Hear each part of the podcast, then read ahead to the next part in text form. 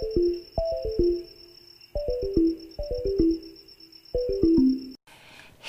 moje ime je Lara in ti poslušaš novo serijo Kozmo Karijera podcasta, v kateri ti bomo pod pokroviteljstvom Unicredit Slovenija predstavili novodobne poklice in te vzpodbudili, da tudi sama odkrivaš področja, na katerih boš mogoče ravno ti nekoč prestavljala meje.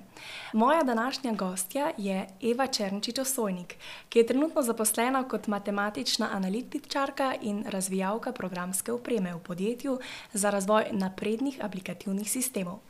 Dodiplomski študij matematike je Eva dokončala na Univerzi v Southamptonu v Angliji in ga nadgradila še z magistrskim študijem na Imperial College London, ki ga je prav tako kot dodiplomskega končala z najvišjo oceno.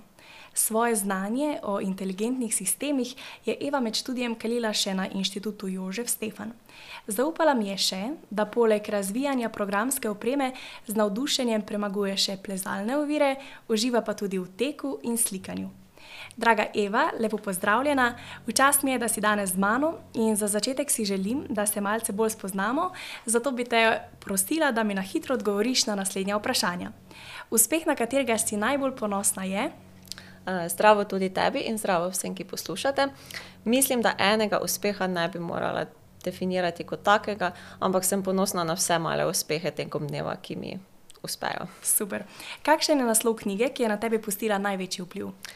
Tu prav tako ni ene same knjige, mislim, da sem brala različne knjige tekom svojega odraščanja in potem um, odraslega življenja. Tako da, naprimer, ko sem bila manjša, je bila zagotovo ta knjiga Harry Potter. mislim, da priljubljena knjiga marsikoga. Potem, kasneje pa so bile to druge knjige. V bistvu naslov, ki mi pade na pamet, knjige, ki sem jo prebrala pred kratkim, je Lifespan. Uh, to je knjiga, ki govori o staranju, zakaj se staramo, kako se bi lahko počasneje starali in kaj lahko naredimo, da bo naša starost čim bolj prijetna. O, zanimivo. Zaupaj nam svoj moto. Um, nekega posebnega mota nimam, ampak če bi morala izbrati nekaj, bi rekla, da poskušam živeti po načelu, kaj lahko storiš danes, ne odlagaj na jutri. Oziroma, če povemo drugače, kaj lahko storiš v nekem trenutku, ne odlagaj na kasneje, ker bo veliko težje. Wow. Uh, kaj pa zate pomeni tvoja karijera? Uh, moja karijera je za me zelo pomembna. Prvo zaradi tega, ker velik del svojega um, budnega časa preživimo v službi. Uh, Um, prav tako verjamem, da mora človek početi nekaj koristnega v življenju, torej da je sam s seboj zadovoljen, da lahko pomaga ostalim ljudem, da je ponosen na to, kaj dela. In pa še zadnji vidik je tudi finančna stabilnost. Brez -huh. denarja, oziroma denar potrebujemo za preživetje, torej ne gre se za, samo za to, da delaš nekaj, kar imaš rad, ampak na koncu dneva tudi, da si za to delo dobro plačan uh -huh. in da lahko uh -huh. dobro živiš. Uh -huh. um... Ok, sedaj, ko se pa že malce bolj poznamo, um, pa lahko kar pričneva z najnim pogovorom. Zanima me, kdaj je danes zazvonila tvoja budilka in kako si pričela svoj dan pred odhodom v službo. Uh, danes je budilka zazvonila 15 minut hitreje, torej ob 5. zjutraj, zaradi tega, ker sem morala biti v službi malo prej. Uh, Uh, drugače se vstajam okoli 5, pa 15, 5:30, potem si pripravim kavo, si pripravim limonado. Zadnja dva meseca so dnevi zjutraj sicer malo bolj pestri, ker um, imamo s partnerjem novega, novega psa, torej psičko, oh. ki je trenutno stara 4 mesece, tako da je zjutraj zelo pestro. Ampak upam, da se bom kmalo vrnila v tisti utečen ritem zjutraj, ki pa je bil potem po jutranji kavi, je sledila kakšna telovadba, mogoče tek, fitness, nekaj podobnega. Potem sem se počasi pripravila za službo, pojedla zajtrk in odšla na delo. O, super, kdaj se pa zbujaš? Ob 5-15. Aha, to si prej omenila. Ja. Ja. Um, kaj pa je prva stvar, ko storiš, ko prideš v službo? Torej, če je to idealen dan in me zjutraj na vratih ne pričaka neka nepredvidena naloga, potem bom priškala računalnik, prebrala maile, prebrala ostala sporočila, ki jih imamo na komunikacijskih kanalih, kot je Slack z strankami in tudi med nami odgovorila na ta sporočila in šla čez vse naloge, ki jih moram narediti v dnevu. Tako da sem nekako pripravljena do sestanka, ki ga imamo ob 9. zjutraj. Tako da ponovadi imamo takšen kratek petminutni sestanek, da se vsi updatemo, kaj mora kdo početi, kaj so naše naloge. Tako da to bi bil nek idealen dan v službi, začetek tega dneva. Super. Si si že odnegdaj želela postati matematična analitičarka in razvijalka programske opreme? Pravzaprav ne. Torej, v srednji šoli nisem točno vedela, kaj želim postati. Torej, ko je bil čas za to, ko si star nekje 17-18 let in bi se lahko odločil o poklicu, nisem vedela, kaj bi rada. Zanimala me je umetnost, tudi zelo, zelo rada sem slikala, ampak se nisem videla v nekem poklicu, ki je bil s tem povezan. Mogoče kako oblikovanje ali pa arhitektura, ampak tudi ne čisto. Zato sem odkrito povedano izbrala smer študija pri predmetih, ki so mi zelo ležali, uh -huh. torej naravoslovni predmeti, matematika. Uh -huh. To mi je zelo šlo, in potem, ko sem si malo bolje pogledala študij, sem ugotovila, da lahko počneš še kaj drugega, kot samo delaš uh -huh. na faksu, in sem se potem odločila za to. Super. Kako to, da si se odločila za študij v Angliji? Uh, to sem si pa pravzaprav želela že od začetka srednje šole, torej vedela sem, da bi rada šla študirati nekam v tujino. Zakaj? Ne vem čisto točno, pač to je neka ideja, ki jo imaš kot 15-letnik, očitno. Uh -huh. um, zakaj Anglija? Za, v začetku sem si želela iti v Ameriko, ampak so tam šolnine veliko dražje, uh -huh. dostopnost je težja kot nekje v Evropi.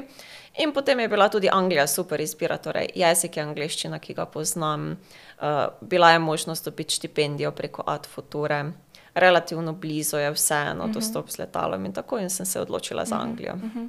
Pa tudi v bistvu nek korak izven cone udobja.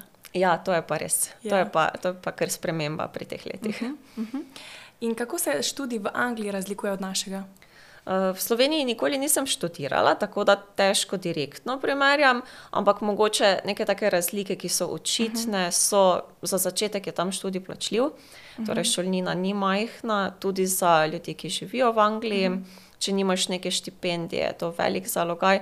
Zaradi tega se jemliš tudi bolj resno. Torej, ni nekaj, kar bi lahko vlekel več let, kaj bi imel z levo roko, zaradi tega, ker po koncu študija je večina ljudi ostane za kreditom, kar je pri nas. Yeah. Ni nekaj standardnega, tako da to je ena velika razlika. Druga pa mogoče to, da ni več kot en izpitni rok uh mhm. -huh. na izpit. Oh, torej, ja, torej za vsak izpit je samo en izpitni rok, in če ne narediš izpita, imaš sicer na koncu poletja še eno možnost.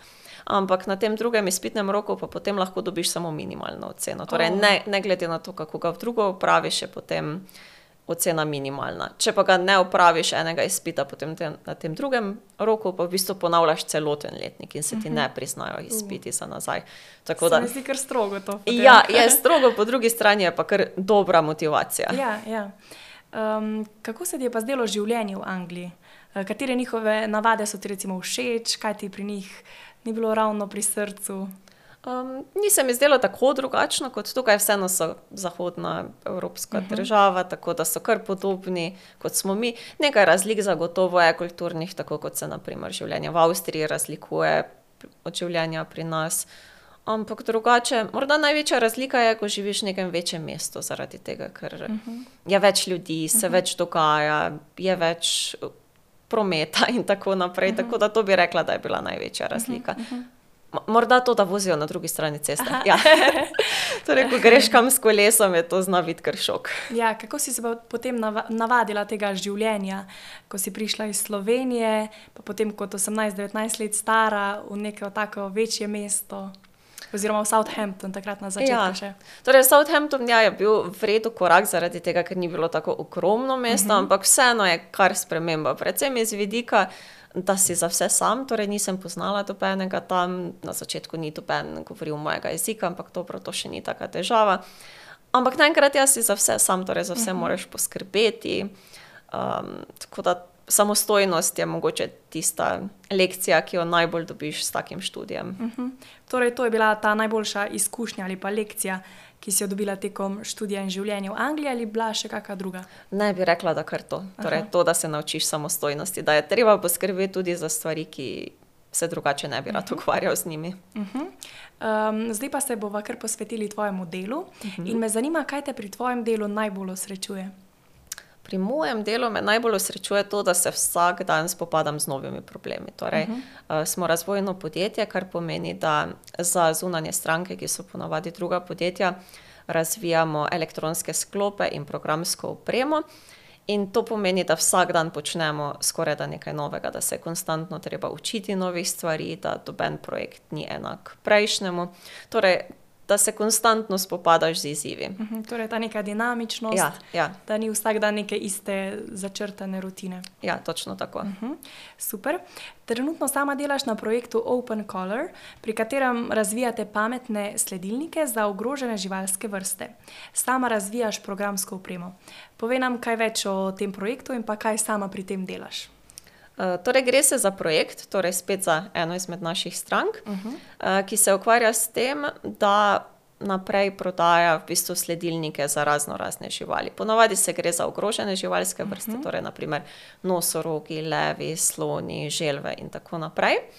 Um, ker na trgu ne obstajajo neki uh, smiselni, bistvu smiselni, kaj je mišljeno s tem sledilniki, ki bi bili dovolj cenovno ugodni in ki bi funkcionirali na način, kot ga stranka potrebuje, nam potem v bistvu uh, podajo ta razvoj sledilnikov. To so takšne male napravice, podobno kot imamo mi te GPS ure ali kaj podobnega, Aha. s to razliko, da morajo delovati dlje časa. Uh -huh. Torej pomeni, da morajo neprekinjeno slediti živalu več let, torej -huh. tudi do deset let, če je potrebno. Delujejo na baterijo, in pa da so ponavadi na območjih, kjer ni neke povezljivosti, tako kot jo imamo tu. Torej v savani v Afriki oh. nimamo mobilnega omrežja, ni pokritosti s Wi-Fi-jem in tako. Torej, morajo biti izredno majhne, da so lahko na živalih, in pa morajo delovati na način, da ne porabijo baterijo takoj. Uh -huh ker jih ne moremo polniti, kot naprimer naše ure. Kako pa bi nam, laikom, recimo, opisala, kako poteka to tvoje delo, kako ti v bistvu razvijaš to programsko opremo, kaj to sploh pomeni? Um, torej, v bistvu na nekem projektu, ki ga delamo za naročnika, ponavadi nam on pove, kaj želi, kako si to predstavljamo. Torej, nekdo ima neko idejo za neko napravo, ki bi jo rabil. In potem išče nekoga, ki bi to za njega naredil, to smo uh -huh. v bistvu mi. In mi se z naročnikom dogovorimo, kaj mora ta naprava delati, torej ali mora imeti neko Bluetooth povezljivost, Aha. kako mora izgledati, kakšne senzorje mora vsebovati. Naprimer, delamo razne senzorske naprave, in potem, enkrat, ko začrtamo, kaj v bistvu razvijamo in kakšne funkcionalnosti ima, potem naši elektroniki pripravijo dizajn tiskanih vezij, naš, naši mehaniki izdelajo neko smiselno hišje, torej kje bo bila ta naprava in ostali del ekipe pa razvijamo programsko opremo. Torej, za mikrokrmilnik napišemo nek program, ki potem senzorjem pove, kaj naj delajo, kdaj naj pobirajo podatke, na kak način jih naj shranjujejo na napravo in potem tudi pošiljajo kamorkoli pa če treba. Sliši, sliši se zelo um, kompleksno, ampak tudi zelo zanimivo. ja, ve, večino časa je. ja. Koliko časa dnevno pa posvetiš svojemu delu? Eh, trudim se, da bi bila v službi 8 ur, torej da ne bi se delo vleklo čez uh -huh. cel dan. Seveda, včasih to ni mogoče, ampak načeloma poskušamo ohranjati uh -huh. to neko uh -huh. razmerje tudi med prostim časom. Uh -huh. Super. Sedaj bomo naredili krajšo pauzo, ki jo bom sama izkoristila za predstavitev teme, ki je v tesni povezavi s kariero. Že prej smo omenili, da karijera ne predstavlja samo načina, kako uresničiti svoj potencial, ampak omogoča tudi finančno stabilnost. Do urejenih financ pa vam lahko pripomorejo tudi novi paketi mednarodne skupine Unicredit, ki je pokrovitelj podcast serije Kozmo Karjera. Mednarodna skupina Unicredit s sedežem v Milanu letos obeležuje 30. obletnico poslovanja na slovenskih tleh. Ker so radi v koraku s časom, hkrati pa želijo biti blizu svojim strankam, predstavljajo serijo novih paketov po zadnjih trendih. Paket lahko zamenjaš kar po spletu, brez obiska poslovalnice, še hitreje kot bo minil tale najn podcast.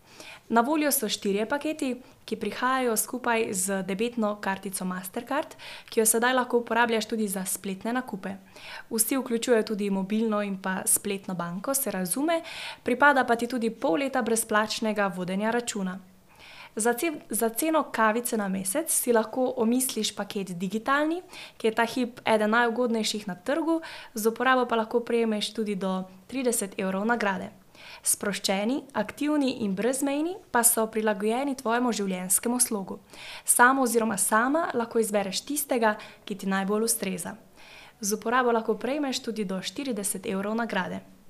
Pozabili pa niso tudi na mlade, ki lahko izberejo paket sproščeni za mlade in je brezplačen do dopolnjenega 27. leta, ker denarja vedno primankuje, pa z uporabo lahko prejmete tudi do 30 evrov nagrade. Sedaj nadaljujeva s pogovorom z mojo gostjo Evo Črnčič Osojnik, matematično analitičarko in pa razvijalko programske opreme. In zdaj me zanima, če se ti zdi, da ima dober odnos s sodelavci in ekipni duh tudi povezavo s tem, kako si produktiven pri delu, kako si uspešen pri delu in kako rad hodiš v službo. Vsekakor ja.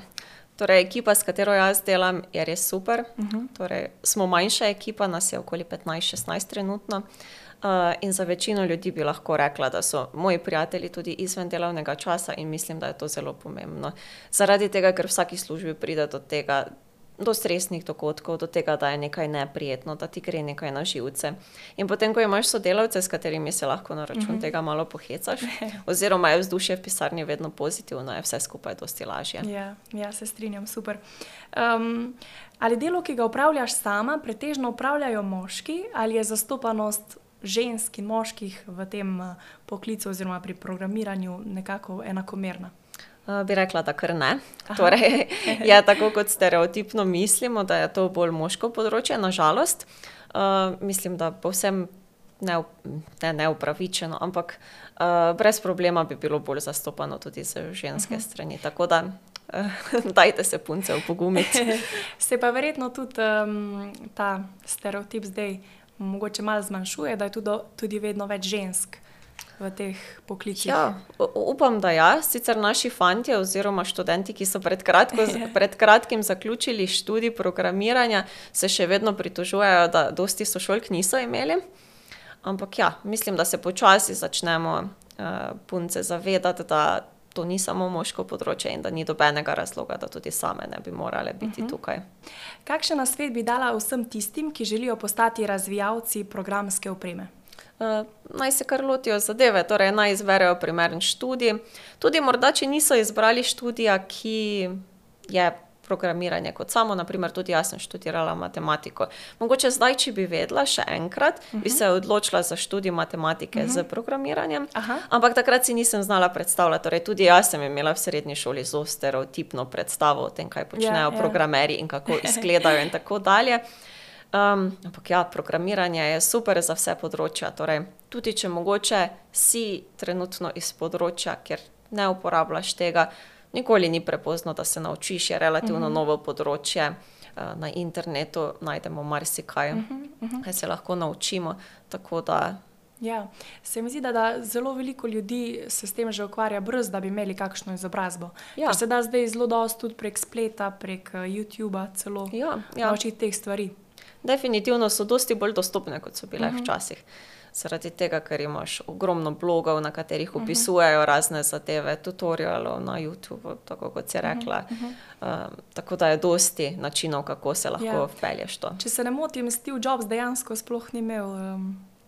Ni hodil na kak faks. Ja, mislim, da ga je pustil, zdaj ne bi upala točno reči, kaj je bilo, ampak mislim, da ni zaključil. Ja, ja. Ni zaključil. In da je že zelo pri zgodnih letih začel s tem. Ja, vedno, vedno bolj zgodaj. Se mislim, da se vsi počasi zavedajo, da je to pomembno področje, uh mhm. -huh. tako kot se učimo tujih jezikov, mogoče tudi uh mhm. -huh. programiranje. Tudi v poklicih, ko morda ne pomislimo na to. Naprimer, uh mhm. -huh. Tudi nekdo v oblikovanju rabi svojo spletno stran. In ja, če ja. dejansko ja. razume, kako se naredi, kako se kakšna stvar spremeni, je potem življenje veliko uh -huh. lažje. Uh -huh. Sploh s to digitalizacijo in um, ja. spletnimi omrežji, mediji, se mi zdi, da je to zelo um, nekakšen poklic bodočnosti. Tudi. Ja, neko osnovno razumevanje tega je vsekakor dobrodošlo. Uh mhm. -huh. Mislim, da v marsikateri državi so že začeli počasi to vključevati v učni načrt osnovne šole, srednje šole, pri nas sicer še ne, ampak. Um, Mogoče pa, mogoče pa, mogoče pa. Ok, zdaj pa, da ne bomo govorili samo o tvoji službi, se bomo posvetili še tvojemu prostemu času in zaupala si mi, da svoj prosti čas najraje um, porabiš tako, da plezaš, tekaš, slikaš. Že prej si rekla, da si um, v, bistvu v srednji šoli, da te je zelo zanimalo slikanje, ampak uh -huh. da s mhm. tem se nekako nisi želela ukvarjati kot svojo, um, da bi to v bistvu upravljala kot svoj poklic. Um, in kaj za te pomenijo te dejavnosti, plezanje, tek, slikanje? Predvsem sprostitev. Torej, uh mhm. -huh. ko, ko je dovolj dela, ko je dovolj starih stvari v življenju, torej tudi ko so razne stresne situacije, je potem to nekaj, ker se lahko sprostiš. Torej, ravno zaradi tega, ker naprimer slikanje ni moj poklic, je potem dosti bolj sproščujoč, ker ni dobene obremenitve ja. povezane s tem, dobenih rokov, nič takšnega. Uh -huh, uh -huh. Isto velja tudi za ostale športne aktivnosti, plezanje, tek. Uh -huh. Se ti zdi, da s slikanjem dobiš tisto ustvarjalnost, ki ti jo mogoče primankuje pri delu, ali je tvoje delo že v bistvu zelo ustvarjalno s tem, ko neke programe ustvarjaš? Uh, morda ni ustvarjalno v klasičnem pomenu besede. Ampak ja, na nek način je ustvarjalno, torej spet treba se neko arhitekturno zasnovo programa uh mhm. -huh. zamisliti, kar bi lahko rekli, da je neke vrste ustvarjalnost. Ampak zagotovo pa je potem slikanje in pač pravo ustvarjanje nekaj drugega. Tako da ja, mogoče se kompenzira oboje skupaj. Uh mhm. -huh. Kako pogosto pa plezaš in tečeš? Z neko športno aktivnostjo se poskušam ukvarjati vsak dan, zdaj to vsak dan ne uspe, ampak ja. recimo, da je to cilj. Um, tako da vsak dan poskušam nekaj početi zjutraj. Plezanje pa generalno z partnerjem počnemo enkrat tedensko. Mhm. Našli smo si skupino, ko se je odprl novi plezalni center v Mariboru, zdaj mislim, da že kakšne štiri leta nazaj. Smo se lotili tega za najo takrat novega športa, zdaj pa tako mislim, da po letošnjih olimpijskih igrah pa gre vse samo. Ja. Ne bo je vedno več ljudi, ki se s tem ukvarja. Uh -huh, uh -huh. Kaj pa plezanje v naravi ali sam v tem? Centru plezata? Tudi plezanje v naravi, sicer ne toliko, kot bi si želela. Naredila smo tečaj plezanja v naravi, torej uh mhm. -huh. takrat na začetku, da se znamo varno uh, varovati, potem uporabljati opremo in tako naprej. Ampak ne, se, se ne ukvarjamo s tem dovolj. Vseeno je treba malo več priprav, pa vredno je, da greš skupino ljudi, ki uh mhm. -huh. poznajo to, uh -huh. Uh -huh. da imaš torej boljše ljudi od sebe zraven, uh -huh. ker drugače uh -huh. kot začetnik se hitro zgubiš, ne zgubiš, ampak so ja, te stvari ja, pretežke. Ja. Uh -huh. Se ti zdi, da ima to, da plezaš, tečeš, pozitivne učinke na tvojo koncentracijo pri delu in da brez tega potem tudi ne bi mogla nekako um, efektivno in pa uspešno upravljati svojega dela? Ja, definitivno. Če ne samo dela, tudi ostalega življenja, mislim, da sem dosti bolj prijetna oseba, ko se ukvarjam s tem. ja. um, zaradi tega, ker lahko nekako odmisliš ostale stvari in potem. Um, dobiš tisto prijetno uh mhm. -huh. razpoloženje, ki ga mhm. vsi poznamo po neki športni mhm. aktivnosti. Uh -huh. Um, ja, verjetno je šport tudi lahko neka vrsta meditacije, ja. oziroma da vse to negativno si reče, da si zaradi športa bolj prijetna oseba. Ja. Ker lahko takrat res um, tisto, kar te teži, daš ven iz sebe. Ja, točno tako. Ja. Um, Kot sem že prej omenila, sta šport in meditacija odlična vira sprostitve, prav tako pa omogočata tudi večjo koncentracijo pri premagovanju različnih izzivov. Na kakšen način pa ti prakticiraš meditacijo, oziroma kako se ti umiriš? Eh, strinjam se, da je meditacija super. Torej, s tem se strinjajo tudi vse raziskave, ki so kadarkoli bile narejene na to temo. Eh, Nažalost, nisem uspela se ukvarjati samo meditacijo, konsistentno, daljše časovno obdobje. Mhm. Veliko krat sem probala ampak recimo, da res najbližje, kaj je temu, so potem športne aktivnosti. Tudi med slikanjem si na nek način v tem mhm. -huh. meditativnem stanju, ko odmisliš ostale ja. zadeve. Še ena, morda ne navadna stvar, pa je kuhanje. Torej, oh. kuham tudi rada in tudi vmes, ko pripravljaš stvari, ko režeš sestavine. Je, je na nek način meditacija, pri kateri mhm. -huh. odmisliš ostale. Imaš zadnji glasbo? Ali... Eh, včasih ja, včasih ne, tako da odvisno. Eva pa v popoldanskih urah poučuje tudi na Višji šoli Akademija um, in sicer poučuje matematiko, statistiko, še kakšen predmet? Uh, ne, v bistvu je to to. Matematika se mogoče deli na različne programe, torej poučujem matematiko za program informatik, Torej, to je nov program, ki ga imamo in nekako gremo te osnove matematike skozi, ki koristijo programerje. Uh mhm. -huh. Potem pa tudi na programu strojništvo, gradbeništvo in pa ekonomist. Tam je bolj potem uh mhm. -huh. statistično mhm. usmerjena stvar. Uh -huh. Kaj bi rekla, da je tukaj največja razlika kot um, pri delu s tem uh, razvijanjem programske opreme? V čem se najbolj razlikuje, čisto verjetno, čisto nekako drugače delo? Drugačno ja, delo. Ja, je kar drugačno delo, to je v bistvu predstavljanje znanja uh, ostalim ljudem. Tako da tudi potem komunikacija z njimi, kako predstaviš nekaj, kar znaš sicer, na način, da je razumljivo ostalim, tako da tu je kar velika razlika. Uh -huh. um, kako pravilno predstaviti teme, da jih bodo tudi ostali razumeli. Uh, pa potem tudi samo delo z ljudmi. Uh, narava dela je popolnoma drugačna, torej imamo predavanja, potem treba je pripraviti neka gradiva v prostem uh -huh, času. Uh -huh, uh -huh. Uh, tako da je kar drugače. Ja. Kako pa imaš čas za vse to, kar si zdaj omenila? Prej si rekla, telovadba zjutraj, kuška maškega, moraš peljati na sprehod, potem služba do povdne, pa še potem poučevanje na tej akademiji. Kako si organiziraš svoj čas? Uh, včasih težko, včasih je premalo časa za vse, ampak. Ja, poskušam biti organizirana, torej, da takrat, ko je se nekaj naredi, da se ne odlaga na kasneje, ker če je preprosto zmanjka časa za vse. Torej, poskušam biti, koliko se da disciplinirana, včasih pa tudi ne gre vse skozi in potem pač določene stvari odpadajo. A imaš kakšne mogoče trike, na kak način biti najbolj organiziran, ali samo to, da pač narediš nekaj, kar lahko danes, da ne tone na narediš jutri. Ja, to je eden izmed trikov, sicer ne pomaga vedno, vsi imamo kakšna področja, ko se res ne maramo ukvarjati z njimi, tako da tista pač prelagamo. Ampak mogoče planiranje to tudi ni uh mhm. -huh. slabo, torej, da si približno vse začrtaš, tiste pomembne stvari, ki jih moraš narediti vnaprej. Uh mhm. -huh. Koliko časa prej si pa ti začrtaš tvoj nekak potek dneva? Že kak teden prej ali? En dan prej. To, to je odvisno, jaz si ga že začrtam, ponavadi, ko ga usklajujem potem s svojim partnerjem. On ni navdušen nad tem, on je bolj spontana oseba. Um, ampak ja, če imam doza narediti, si ga probam zjutraj organizirati, kako bojo šle stvari sko skozi. Uh, če pa imam večje stvari za pripraviti za službo, sploh to popoldansko službo s poučevanjem, pa si jih poskušam tudi par mesecev naprej zorganizirati, kdaj bom imela predavanja, kaj moram pripraviti do takrat, uh mhm. -huh. kdaj imamo izpite in tako naprej. Uh -huh. Tudi izpite imate na tej akademiji. Ja, ja, ja. To dejansko poteka čisto kot neka vrsta izobraževanja, ker pol na koncu. Ja, ja, ja to Aha. je visokošolski program. Aha, jaz mislim, da je mogoče to tako, recimo, ne, ne, ne. poučevanje za starejše. Ne, visokošolski programi so, ki se potem na koncu zaključijo s diplomo, torej dvoletni študij. Super. Um, Eva, hvala za vse tvoje super uh, in pa um, zanimive odgovore. Hvala pa tudi Unikreditu, ki je bil pokrovitelj te epizode Kozmo Karjera podcasta. Um, Kozmo poslušalkam in pa poslušalcem pa adijo. Adijo.